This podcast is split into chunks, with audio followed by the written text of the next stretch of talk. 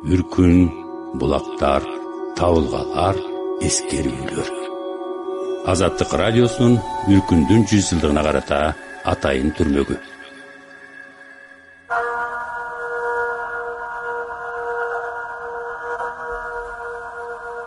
Үч турпан шаарынын батыш жагында карабак деген жайдабыз анын чыгышка карай мөңкүп аккан чоң суусу бар. Малыбыз ашууда кырылып андан калган бирин экиси турпанга келгенде делбе чөбүн жеп ууланып андан өлүп куралакан калдык.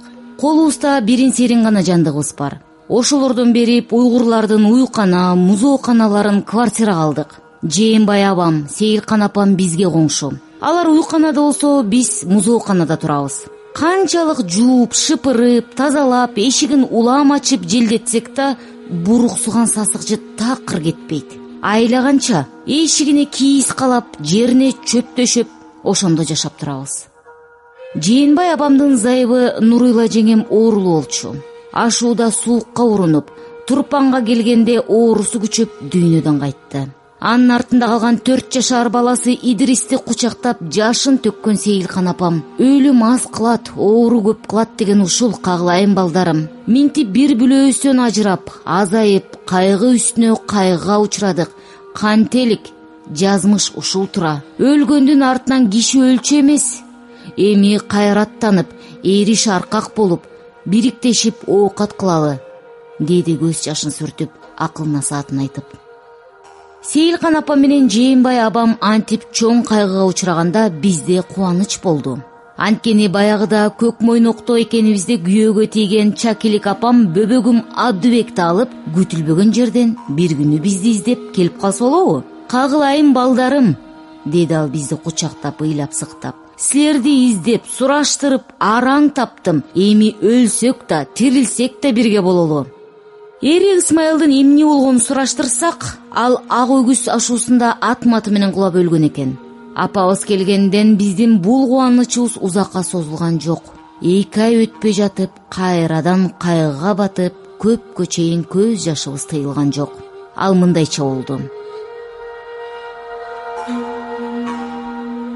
бизге коңшулаш уйгур байынын короосуна шарп болуп баса албаган уйларын баккан көлдүк эки кыргыз жигит бар эле. Ата энелери туугандары ак сууга кетип уйлары түзөлгөн соң алар артынан барышмакчы болуп мында калышкан. Бирөөнүн ысымы эсимде кир мурут кызыл жүздүү жашы жыйырма беш отуздар чамасында сыдык деген жигит эле.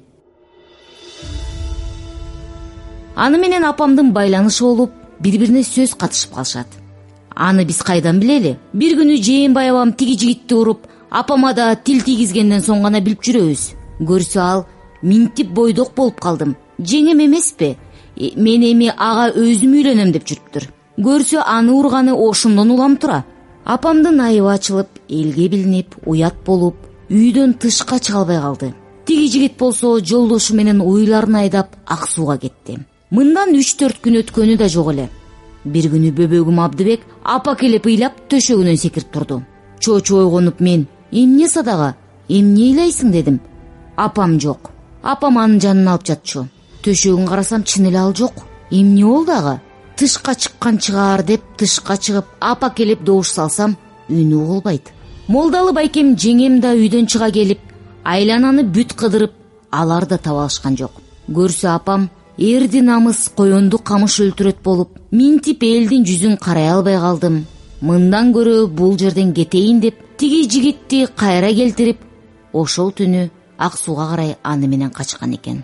Эмне кылган менен ысыгыбызга күйүп суубузга тоңуп алпештеп багып өстүргөн туу баса да тутунган апабыз эле го кайрадан колубузга келгенде өлгөн атабыз тирилгендей жаркылдап жайнап сүйүндүк эле. Эми карабайсыңбы бөтөн эл бөтөн жерде башыбызга оорчулук түшүп минтип мусапыр болуп жүргөн кезибизде апам бизди таштап кетип отурбайбы?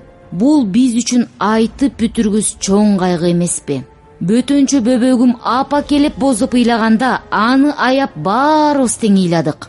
Кантебиз жууркан төшөктөрүбүздү сатып өлбө жаным өлбө деп эптеп кыштан чыктык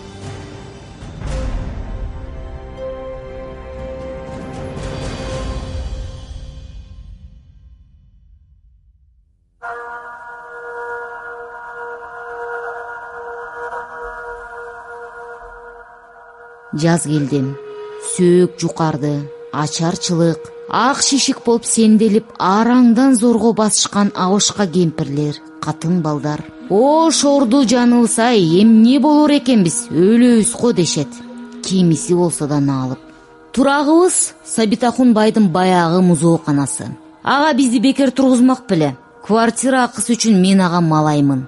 Жээнбай менен молдалы агам да аларга окшогон үч төрт качкын да анын кара жумушунда. Жумушу өтө оор. Күн сайын кум арык дайрасына барышып отун даярдап эшектерге жүктөп алып келишет.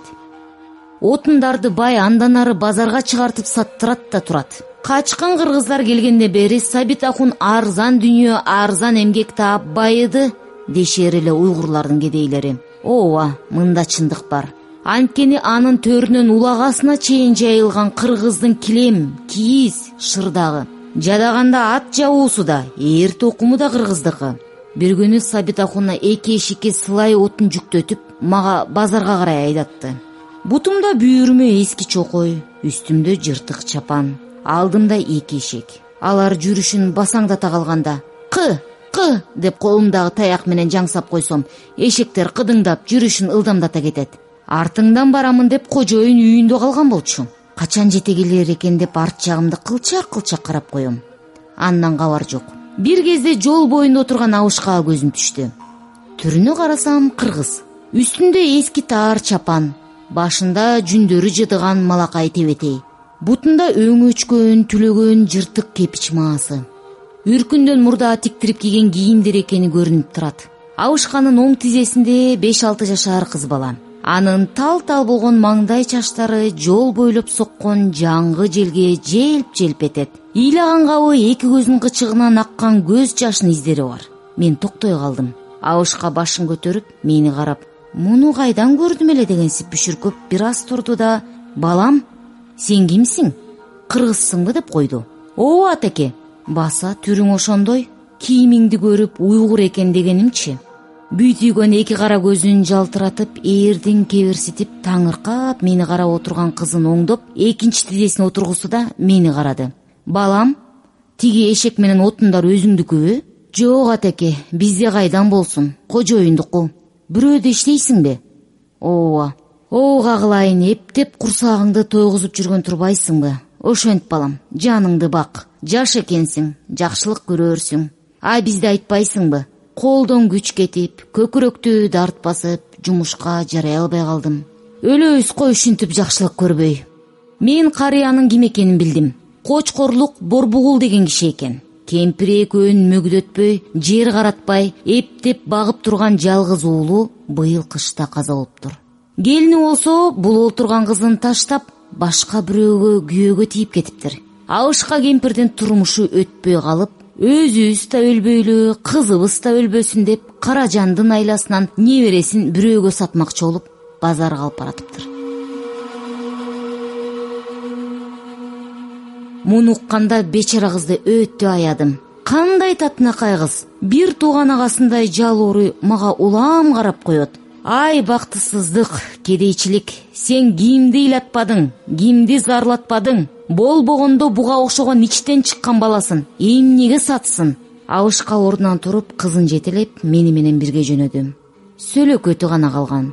Көздөрү үңүрөйүп чанагына батып жаагы шимирлип эки бетинин сөөктөрү гана оркоюп чыгып турат. Карттын бул аянычтуу түрүн көрүп боорум ооруду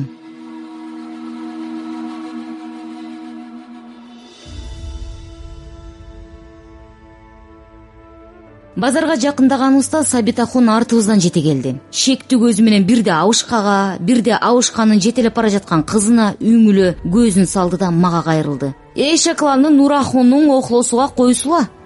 Куп кожоюн сабитахун желдире бастырып алга өтүп нурахундун үйүнө карай жөнөп кетти. Уйгурча охлосу короосу деген сөз.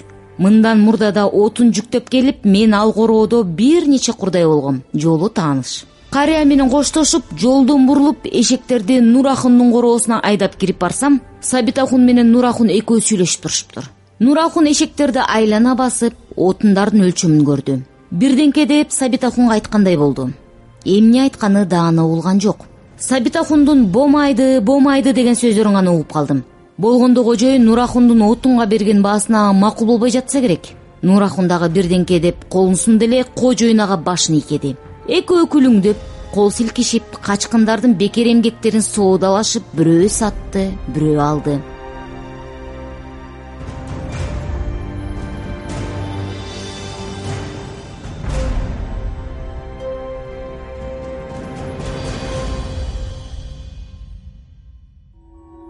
Үркүн булактар табылгалар эскерүүлөр азаттык радиосунун үркүндүн жүз жылдыгына карата атайын түрмөгү